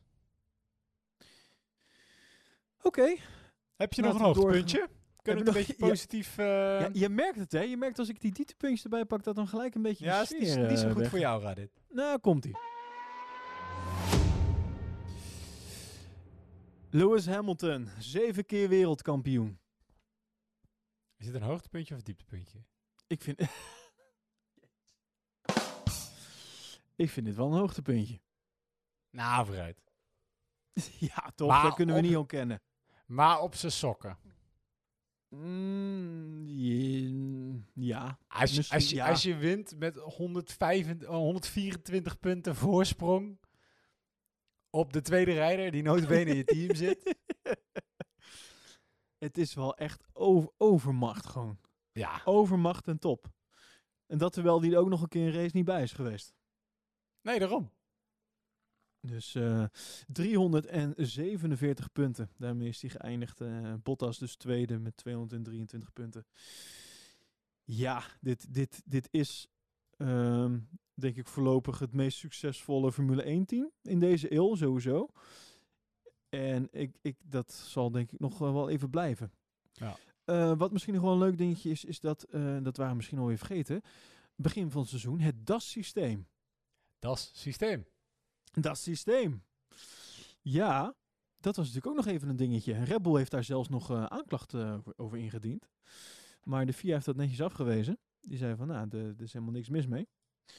Dit mag gewoon. Behalve Ja. dat het vanaf volgend seizoen niet meer mag. Nee, van de volgende seizoen mag het niet meer. maar en dat, eh, uiteindelijk, dat weet je, er werd toch ook heel hard van de toren geblazen over hoe oneerlijk het zou zijn. Hebben we er nou echt heel veel last van gehad? Nee, ik denk het niet. Als ze het idee niet hadden gehad, waren ze alsnog verreweg de snelste. Nee, daarom. En, en, eh, het idee was dat, als je, dat ze de, de coureurs aan het stuur konden trekken, waardoor de stand van de banden wat veranderde, waardoor eh, de slijtage wat minder werd en eh, je banden wat makkelijker kon opwarmen. Nou, Ja. En dat werd zo sporadisch gebruikt. Dat Ja, maar- ik heb ook een bericht gelezen over het feit dat het systeem eigenlijk gewoon te ingewikkeld was. Dat ze, zeg maar, ze hebben het niet maximaal kunnen benutten. Omdat het toch nog... Ja, weet je, het is net weer een, nog een laag extra voor wat die coureurs moeten doen. Eh, en dat is gewoon te lastig. Ja. Eh, en dat, Nee, is, eh, dat, is, dat zijn niet mijn woorden, dat zijn de woorden van de technisch directeur van Mercedes, James Ellison. Eh, die zei van ja, weet je, het, het heeft. We hadden het nog meer willen gebruiken en van, van bocht naar bocht en van banden naar banden. Eh, maar uiteindelijk bleek dat je, je het gewoon niet zo makkelijk kon gebruiken. Het is geen tweede natuur om je stuur in en uit te trekken. Ehm, en nou, dan werkt het gewoon niet. Dus ik denk ook niet dat ze er heel rauwig om zijn dat het weg is. Nee, dat denk ik ook niet. Nee, ja, en wat je zegt, ze zijn toch al oppermachtig. Sterker nog, eh, het aantal pole positions wat ze eh, dit seizoen hebben binnengesleept is volgens mij, nou, dat is echt uitzonderlijk. De, de laatste keer dat een team zo dominant was, eh, daarin was volgens mij, eh, was in 1988 bij McLaren. Dus dat is al even geleden. Ja, en die dominantie die zal zich nog even voortzetten. Dus ook voor volgend jaar verwacht ik eigenlijk niet heel veel spannends daarin. Ik eh, denk wel dat volgend jaar het laatste jaar van Valtteri Bottas gaat zijn. Ja? Dat denk ik wel, ja. En ik denk dat we daarna George Russell gaan zien. Dat Bij zou deze. zomaar kunnen. Heb ik dat even in de lucht gegooid. Ehm, verder nog iets over, over Lewis? Of zeg je van, eh, oh ja, eh, ik wil nog even iets over Lewis, want ik heb het dan over zeven keer wereldkampioen. Ehm, maar het was natuurlijk ook veel te doen om Lewis nou, te denken om zijn eh, uitspraken over Black Lives Matter, de t-shirts die hij droeg, de mondkapjes, alles. Ehm, wat vind jij de, de, de beste coureur op dit moment? Eh, een voorbeeld voor heel veel jongens en meisjes. eh, ehm, is het goed dat iemand zich op die manier uitlaat? Of moet hij dat lekker thuis doen? Ehm, dat vind ik, dit vind ik eh, een hele riskante afslag om te nemen. Laat ik, laat ik het zeggen. Ik hoop dat het volgend seizoen in ieder geval voor wat minder discussie en, en ja, bladen, kop, krantenkoppen, dat soort dingen eh, om de formule heen, heen volgt. Ja, klopt, ja. Ik, bedoel, ik vind Ja, het wel- heel goed dat iemand dit doet. En dat moet hij ook zeker doen. Maar ik vond het voor mezelf heel jammer dat een heel groot deel van de Formule 1... En het was natuurlijk ook... hè, je had maar heel weinig races en het was allemaal ge- ja, heel veel gedoe rondom corona. Maar de, de, de nadruk kwam heel, heel veel daarop te liggen. En dan zul je mensen hebben die zeggen... Nou ja, dat is juist goed, want daar is het voor bedoeld. Ehm, ja, Nee, ja, klopt. Eh, het is ook niet voor niets dat eh, de, de FIA aan het begin van het seizoen ook de hashtag WeRacers1 heeft eh, geïntroduceerd met de regenboog. eh, als, als, als logo. Eh, en dat is, was eigenlijk heeft een beetje twee betekenissen gehad. Er was en support voor de mensen die eh, ja, voorop liepen in de strijd tegen, tegen het coronavirus. En tegelijk ook eh, bestrijding van racisme. Eh, daarnaast was natuurlijk veel te doen om, die, om dat knielen. Hè, dat wel en niet knielen. Eh, de ene coureur Ja. deed het wel, de ander niet. Daar werd dan weer wat over gesproken. Ik denk een van de eh, mooiste dingen die hè, als we het even gewoon weer over auto's hebben, en over Formule 1, een van de mooie, mooiere dingen die hieruit is gekomen, is dat die Mercedes gewoon tering mooi is in zwart, in plaats Ja. van zilver. Toch? Je zou bijna vergeten dat we gewoon weer geen zilver krijgen komend jaar. Ja, sorry voor het schelden trouwens, dames en heren. Maar dat, eh, eh, een prachtige auto in het zwart zo. Ja. Dat, eh, dat hebben ze volgens mij in de, de, de, de tweede race hebben ze dat al gedaan. Eh, de stiermarker. De eerste was nog in de zilver en daarna hebben ze hem uh, omge, omgedoopt naar zwart. Ja. ja, volgend jaar is wel weer gewoon helemaal zilver. Ja, is dat al bekend geworden? Ja, volgens mij wel. Oké. Hm. Ja, Ik, misschien, eh, oh, misschien is dat een van de redenen dat Lewis contract er niet getekend is. Wil hij nog steeds een zwarte auto? We zijn erover uit. Eh. Het zou zomaar kunnen dat dat het is. dat, Eh, zou, dat ik zou, nou, zou me niet verbazen. Oké. Nou, dat was weer een hoogtepuntje. Ja, ga ik toch even nog naar een dieptepuntje. Ja, nou, ik kan zeggen, Oh. hier nog aan vastgekomen. Nou, ik ben dus heel benieuwd wat we, wat we krijgen ehm, volgend jaar ook met, met We Race as One. Ehm Bahrein, de tweede race op de kalender, is natuurlijk een race die we... eh nee, trouwens, die hebben, we- dit jaar hebben we die ook al gereden. Maar het blijft ja, aan het einde van het seizoen hè, hebben we hem gereden. Ja, want het blijft natuurlijk heel dubbel. Omdat Bahrein is een land waar eh, homoseksualiteit illegaal is. Waar LGBTQ plus min, ik weet niet wie ik nog vergeet. Z2, de, de alfabetmensen.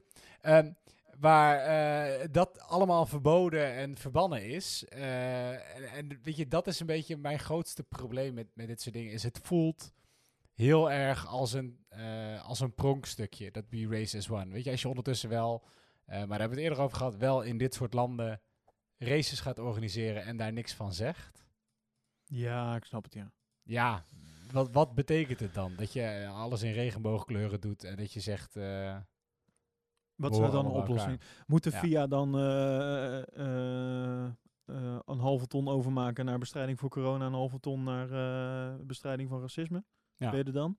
Of Ah. is dat ook weer hypocriet? Ik weet het niet. Toch? Bedoel, is dat dan weer een soort afkopen van je, van je van je schuldgevoel, goede... ja. ja. Nou moet ik wel zeggen, nou moet ik wel zeggen, kijk, de, oh, de, de regenboog heeft, de- de- ik, lees, het het is niet de officiële LGBT regenboog. Nee, dat nee, is nee. die op de McLaren wel trouwens. Oh, Eh, lees echt waar? Ja. Ja, Oh. degene die ze op de McLaren hebben staan. eh, op die Halo. ja. Oh, Oh, eh, nou, ik hoor gemixte signalen. Oké, wacht. Dit, moet, dit had ik niet moeten zeggen. Ik hoor gemixte signalen op internet. Oké. Nee, maar... Nee, wat, ik, wat ik begreep is dat die regenboog echt stond voor en coronabestrijding en racismebestrijding. en En vandaar ook de hashtag Ja. Races One. Ah, fijn. Nou ja, ehm, ik denk dat we de regenboog nog wel even gaan zien. Want eh, corona is nog steeds. Eh, racisme is nog steeds. Al is dat op dit moment iets minder eh, in het nieuws. Ehm, maar ik denk dat, het, eh, dat we het volgend jaar nog wel even, volgend seizoen nog wel terug gaan zien. Ik zou weer naar een dieptepuntje gaan, toch? Ja. Komt-ie. Pirelli. Ja hoor. Pirelli. Ja, Pirelli komt er niet onderuit. Ik vond Pirelli toch wel weer een dieptepuntje dit jaar. Eh, niet zo heftig als, eh, als voorheen trouwens. Eh, de, er zijn seizoenen geweest waarin Pirelli meer op zijn donder heeft gekregen. Maar, en dat kwam onder andere toch wel weer heel erg naar boven tijdens die, die tests van die nieuwe banden. in, en dan moet ik even denken, in, dat was in Bahrein, was dat. Daar hebben ze tijdens de eerste twee vrije trainingen hebben ze testen gedaan met de prototypes van die Pirelli ballen. En, en dus we zijn een heel seizoen verder, hè, Matthijs. We zijn weer een heel Mhm. seizoen verder. En geen van de coureurs vonden, vonden die banden ook maar een beetje oké. Dus ze hebben in totaal dit hele seizoen, plus het jaar daarvoor, ze hebben twee jaar de tijd gehad om een nieuwe band te ontwikkelen. En dan komen ze dus met een band die drie kilo zwaarder is en snel trager wordt. Dus als je na twee jaar dus geen ontwikkeling weet te maken, want ik vind dit dus geen ontwikkeling, ja, dan, ja, dan doe je het toch voor mij wel echt af hoor. En eh, ook nog een keer eh, het feit dat we op nieuwe circuits reden, waar ze soms totaal geen idee hadden wat ze moesten gebruiken. Ja. Ja, Ja, maar ik- ja, goed. sorry, ik vind dat misschien een beetje makkelijk gezegd. Kom op, jij bent de bandenleverancier. Jij moet toch, eh, dit moet jij toch een beetje weten? Kom op. Ja, nou dat vind ik wel. Ik vind dat wel heel makkelijk gezegd. Ik, ik denk dat iedereen, eh, eh, weet je, als bandenleverancier doe je het nooit goed. Eh, vroeger maakten ze banden die juist te goed waren en toen moesten ze sneller stuk en toen gingen ze sneller stuk en toen gingen ze weer te snel stuk. Ehm, kijk, ze zijn wel de bandenleverancier, maar ze zijn niet de autobouwer. Hè? Op een circuit dat zij niet kennen, met een auto die zij niet gebouwd hebben, is het voor hun natuurlijk ook maar zo-zo om in te schatten wat er precies met hun banden gebeurt. Dat snap ik. Zij kunnen niks, Maar- eh, ze hebben niks van de, de, de instelling van die, van die auto's in de hand. En je ziet het mega verschil tussen, eh, tussen de auto's zelf en hoe snel ze door de banden heen slijten. Kijk, iedereen weet dat de inschattingen die Pirelli maakt zijn onzin. En Ook. eh, laten we niet beginnen over de bandengrafiekjes die je aan de zijkant ziet tijdens een race, want dat is helemaal om te huilen. Daarom, dus toch Ehm, totale aanfluiting. Ja, maar ik weet niet, ik vind niet dat je dat alleen maar Pirelli kan aanrekenen. Ja, maar wie dan nog meer? Wie maakt er dan nog meer banden? Nee, ja, oh, Niemand. we, Eh, we, we moeten blij zijn dat Pirelli het al, eh, al, al wil doen. Sinds we nog maar één bedrijf hebben dat banden voor de Formule 1 wil maken. ik, eh, ik vind, nou, dat is niet waar. Want Henkoek heeft eh, twee jaar geleden, heeft volgens mij ook eh, eh, weer eh, zichzelf daarvoor ingeschreven. Ja, maar volgens mij konden zij niet aan een aantal dingen voldoen. Kijk, vroeger, hadden we, vroeger had je de keuze. Ja, had je Bridgestone. Maar daar, was, daar, daar waren we ook niet blij mee. Nee, ja, dat, maar Snap je? het wel Iedereen leuk heeft trouwens. altijd wat te zeuren over die banden.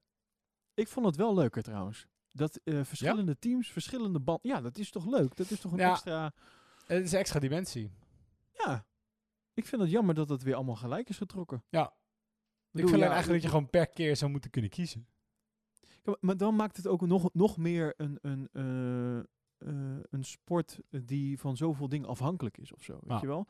Als we nu alles gelijk gaan trekken, hè, eh, wat ook wel eens gek gescherend zeggen van eh, laat iedereen nou gewoon in een, in Mercedes rondrijden en kijken wie er dan wint. Ja, ik weet niet of ik dat ook per se heel spannend ga vinden dan of zo. Snap je wat ik bedoel? Mhm. Ik vind het juist leuk dat er verschillende dingen zijn die maken wat die een auto heel goed maken. En, en een coureur die daar dan weer heel goed mee om kan gaan of niet. Want niet iedereen is bijvoorbeeld heel goed in zijn eh, bandenmanagement. Mhm. Om maar een voorbeeld te noemen, Valtteri Bottas. Dus ja. Maar ik, v- eh, Pirelli viel me toch tegen. eh, want ik had echt verwacht dat eh, nu ze een extra jaar tijd hadden gehad, ook voor nieuwe banden voor het volgende seizoen, dat er iets uit zou komen. En eh, het, het enige wat eruit kwam is dat iedereen gewoon weer dik ontevreden was. Ja. Nou weet ik niet of dat heel verrassend was. Maar het, het zou ze toch ook een keer sieren als het ze lukt om iedereen wel een beetje tevreden te houden. Ja, maar dat nou gaat doen we net alsof dat... Nou, dat weet ik niet. Nee, dat gaat maar. Maakt ook niet uit. Je merkt al meteen de sfeer weg, eh. Komt-ie. Even een hoogtepuntje, dames en heren. Ehm, ik heb hier staan het, eh, de Alonso, Alonso keert terug in 2021. En dat werd al vrij snel aangekondigd dit seizoen. Dus mijn seizoen kon nog niet meer stuk. Namelijk eh, bij de GP van Stiermarken werd al bekendgemaakt dat eh, Fernando Alonso dus volgend jaar, volgend seizoen, terugkomt bij het team van Renault. Ja, En die, hij is natuurlijk in Ah, het team van 2003. Ja, dat is waar. Ja. In 2000, tussen 2003 en 2006. En tussen 2008 en 2009 heeft hij ook voor, eh, voor Renault gereden.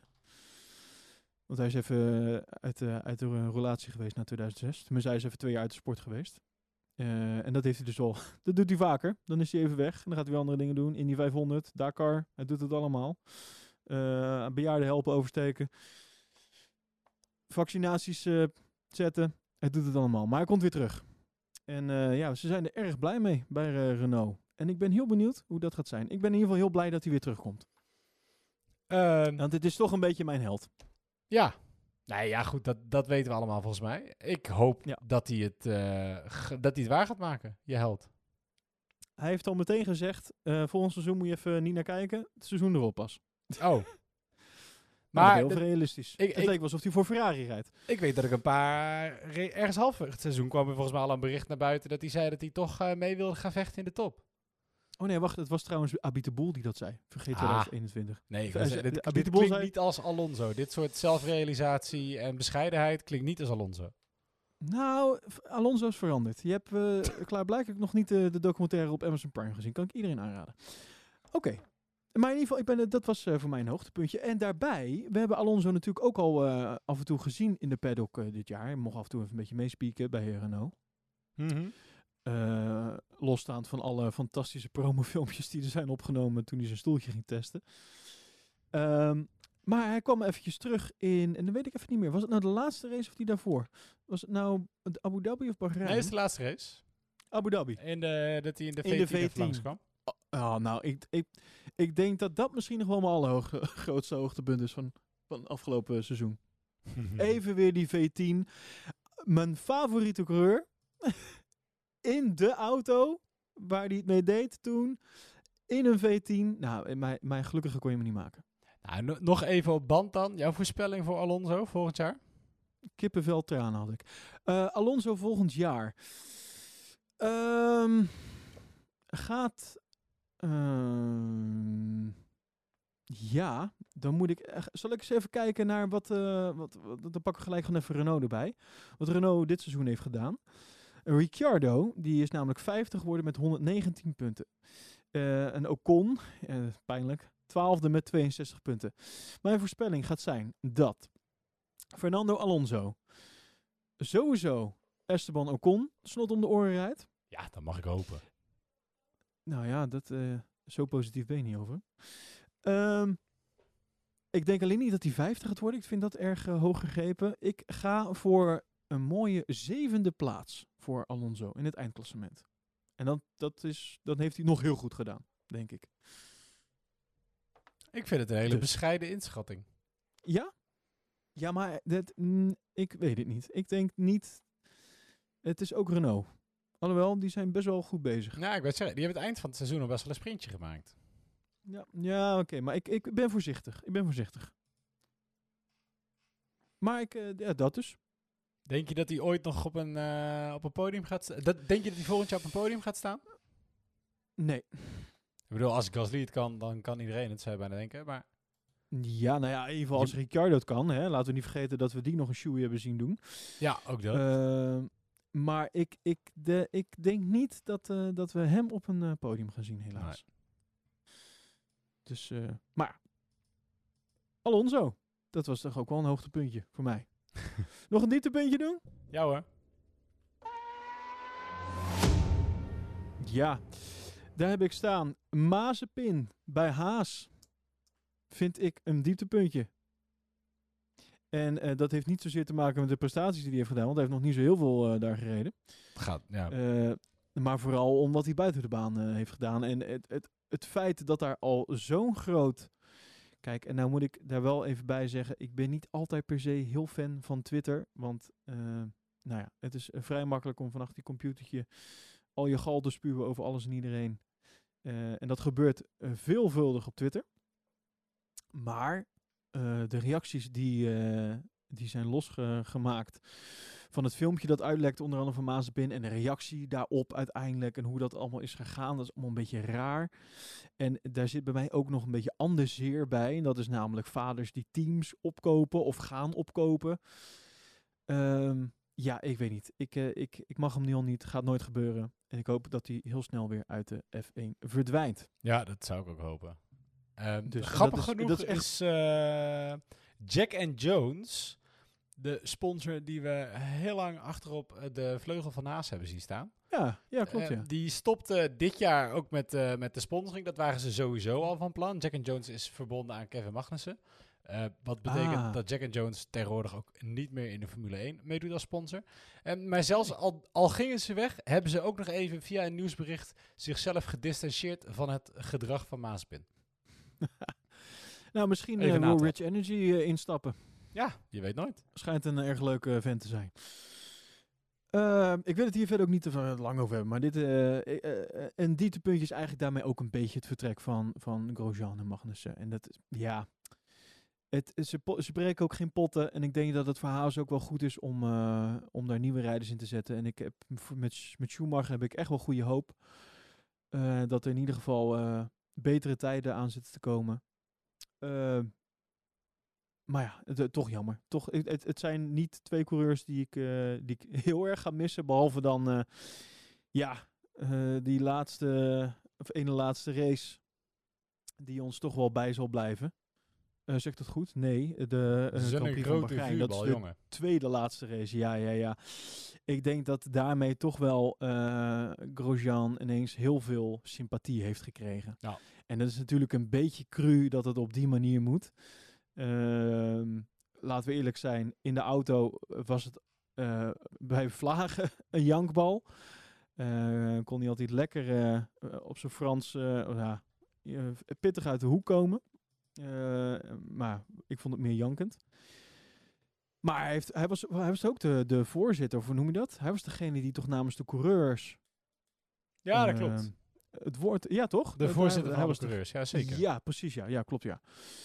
Eh, nou, dat ben je ook niet zomaar. En, en laten we niet vergeten dat hij ook bijvoorbeeld eh, jaren geleden, in 2011, 12 denk ik, eh, ook echt nog dicht, wel bij, dicht bij het podium zat en zo. Het is ook wel, het is niet helemaal een, eh, een eh, ja, hoe moet je dat zeggen? Het is geen, eh, niet iemand die niks kan, laat ik het dan zo zeggen. Nee, maar ik maar vind het... la- laten we eerlijk zeggen dat de periode bij Haas op het einde is natuurlijk een beetje triest geweest. Nou, nog een hoogtepuntje. Ehm, en dat is het optreden, hè, laten we gelijk een bruggetje maken. Het optreden van de Marshalls eh, bij, eh, bij het ongeluk van Grosjean. Dat heb ik toch als hoogtepuntje opgeschreven. Ja? Want dat, ja, dat vond ik toch wel... eh, de- Kijk, de crash op zich is natuurlijk eh, eh, heel vervelend. en dat is heel zacht uitgedrukt. Maar het feit dat hij er goed is uitgekomen, dat helpt natuurlijk wel mee. Plus de manier waarop er is gere- gereageerd. Ja, dat vind ik toch wel... nou, laten we het dan een hoogtepuntje noemen. Nee, zeker. Ze hebben het onwijs goed gedaan. Eh, en eh, bedoel, daar zijn ze ook voor. Dit hoort gewoon goed te gebeuren. Maar het moet ook wel vertrouwen geven dat je weet dat als het erop aankomt, dat het ook allemaal eh, zo goed gaat. Absoluut. En maar bijvoorbeeld ook de Halo die zich bewijst. Dat, eh, ehm, hoe heet dat? De, de survival cell, weet je wel. Dat soort dingen. Dat, dat het, de auto en de veiligheid van de, van de koningsklasse heeft zich even bewezen. En dat vond ik wel, eh, dat vond ik fijn. En uiteraard kwam ook toch wel een, een stukje geluk bij kijken. Want als we later het verhaal van Romain horen hierover, eh, da- dan straalt daar toch ook wel door dat hij toch ook wel geluk heeft gehad eh, dat hij er op deze manier uit is gekomen. Zeker. Want als hij vertelt hoe hij in die auto zat en, en de, nou ja, de, de aantal secondes wat, er, wat, er, wat hij in die tijd allemaal al heeft geprobeerd en gedaan voordat hij er daadwerkelijk uitkwam. Jeetje man. Oh, ik moet er niet aan denken dat het me overkomt. Maar gelukkig is hij er eh, heel uitgekomen. En eh, is hij op de goede weg terug. Ik zag alweer wat eh, Instagram posts eh, van hem eh, voorbij komen. Dat, met, met zijn ene hand, dat ging Ja, hij heeft alweer nog één handje beter. in het, het verband zitten. En één Ja, handje klopt, is ja. helemaal goed. Ja, ik hoop eigenlijk voor hem dat hij... een- Want er was hem toch aangeboden dat hij nog ergens een keer in een auto mocht gaan zitten, toch? Ja, zelfs door Mercedes. Dat als ze geen... dat ze een extra testdag voor hem wilden organiseren. Als hij eh, nergens anders meer in een Formule 1 auto kon zitten. Dat hij dan eh, een rondje in de oude Mercedes mocht rijden. Dus eh, we gaan hem waarschijnlijk nog even zien tijdens de wintertest. Zou dat het misschien het Ja, punt zijn als hij het dan al waarop met zijn hand kan. Natuurlijk. Ja, ja, we zijn al een paar maanden Maar je gaat, je gaat, hoe dan ook. Ik bedoel, dit is zo'n verhaal. En dat is natuurlijk aan de ene kant ook een beetje Formule 1 en de publiciteit. Maar je gaat hem sowieso nog een keer in een Formule 1 auto zien. Al is het op de manier dat Alonso in die V10 eh, langskwam. Eh, Ja, precies, op die manier. Het gaat echt nog wel een keer gebeuren. Ja, ja, absoluut. En eh, ja, dat verdient hij toch ook. Zeker. Ik denk niet dat we hem ooit meer in de Formule 1 gaan zien. Ik ben benieuwd of hij nog andere klassen zou gaan rijden. Daar ben ik wel benieuwd naar. Ik, Ja. ik zie dat, dat nog wel gebeuren, moet ik eerlijk zeggen. Ja. Nou ja, dat zou wel kunnen. Maar in de Formule 1 is het natuurlijk sowieso klaar. En, en dat moet ik ook wel zeggen. Weet je, heel vervelend dat hij op deze manier eindigde. Maar ik vond het ook wel terecht. Zowel voor hem als Magnussen. Ik bedoel, Oh, ik dat- zei twee, dat- jaar, ik zei twee jaar geleden al dat die, dat die jongens eh, weg... En zeker Grosjean, dat het gewoon tijd werd dat hij eh, naar huis ging.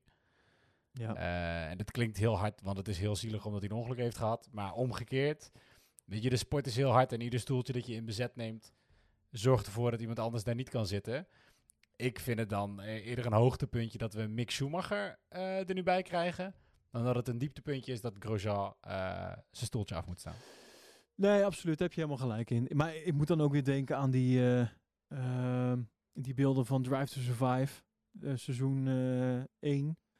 Dat, het- dat het nog allemaal zo goed leek, weet je wel. Dat de Ja. haas zo goed leek te gaan. En ik had het ze toch wel gegund. Zeker. Ehm, ik heb nog één hoogtepuntje. Ja. Nog eentje. Ik heb geen dieptepunten meer. Want het was gewoon bij, far gewoon eigenlijk een heel leuk seizoen. Ending on a high Eh, note. ondanks alles. Ending on high note, komt ie. Hoogtepuntje van afgelopen seizoen. Dat is het maken van deze podcast met jou, Matthijs Koijker. En met. Erik. Dat heb ik toch opgeschreven. En dan heb ik daar, ja, ook iedereen die natuurlijk hier naar luistert. eh dank je wel voor het luisteren. En eh, voor, voor het luisteren naar, maar- naar onze onzin. Of in ieder geval naar mijn onzin. En naar eh, Matthijs die dat weer probeert onzin. recht te breien. Ehm, en, en ook de mensen in Slack, even in het bijzonder. Eh, want eh, ik, ik moet echt zeggen dat de, tijdens de, de raceweekenden ik echt zoveel plezier beleef aan, aan eh, de interactie in de, in Slack. Ja, 100%. Iedereen die daar actief op meedoet en, en, tijdens de race. Dit- Het is zo leuk om op die manier een race te beleven. Het is zo anders. Ja, het nou, is en alsof je met, met een stel vrienden gewoon zit te kijken. ja. Nee, en eigenlijk ook zeker tussendoor vind ik. Ik vind juist de, de nieuwsberichtjes waar mensen mee komen en, en het dan over dingen hebben. Al is, het, al is het soms maar kort even een berichtje hier of daar. Dat, eh, dat maakt het gewoon leuker. Juist ook door de week heen, als je niet, niet alleen die race hebt om naar te kijken. Zeker weten. Ja, ja het, is niet alleen het raceweekend, maar ook gewoon die tijd ertussen.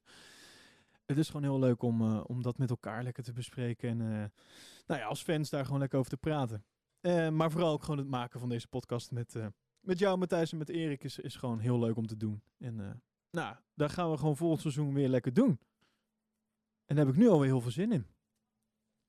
En in de tussentijd zullen we nog eh, proberen wat, wat dingetjes uit te brengen. En als er echt wat nieuws is, dan, dan zul je ons zeker gaan horen. Ik hoop in ieder geval dat, dat de- deze eindjaar special slash dat die in ieder geval is bevallen. Dat we alles een beetje hebben besproken voor zover. Heb ik natuurlijk niet alles bespreken. Anders kan je natuurlijk al oude afleveringen terugluisteren. Ik weet niet hoe leuk dat is trouwens. Huh. Ehm, en dan, eh, Matthijs, wil ik jou bedanken voor, je voor afgelopen seizoen. Nou, En jij dan, ook eh, bedankt. Ja, en, En- dan eh, zie ik jou graag en ook alle luisteraars. Of zie, ik hoor en zie- ik zie jou wel graag en ik hoor graag de luisteraars ook op de Slack heel snel verschijnen. En eh, dan kunnen we daar weer lekker verder praten over Formule 1 en over alles wat er de komende tijd gebeurt. Want eh, jij haalt nu ook alweer nieuw, nieuwsberichten eruit eh, hè, die nog net eh, vers van de pers komen. Dus het gaat gewoon door. Formule 1 staat niet stil en eh, ja, de nieuwe kalender ziet er goed uit. Ik ben alleen bang dat we hem niet gaan, eh, gaan eh, doen zoals die eh, ingepland staat. Dus eh, het, het, het zal weer een bewogen seizoen gaan worden. Dat weet ik zeker. Over... ze- ik, zou, ik, ik wou even snel op mijn hoofd de weken uitrekenen, maar daar ben ik niet snel genoeg voor. Tweeënhalve maand. Mogen we weer. Mogen we weer. Dan gaan we weer los. Ja, en voor die tijd nog de winter testen. Hè? Daar ben ik ook eh, benieuwd naar. Kijken of we daar al iets kunnen aflezen. Of dat er gewoon weer dik wordt gesandbagged. Zoals ze dat dan mooi noemen. Oké, dankjewel voor het luisteren naar de podcast. En eh, nou, graag tot de volgende aflevering zou ik zeggen. Volg ons op Instagram, polepositionnl. En eh, eh, kom lekker meepraten in de Slack. En dan eh, graag tot de volgende keer. Jij ook Matthijs.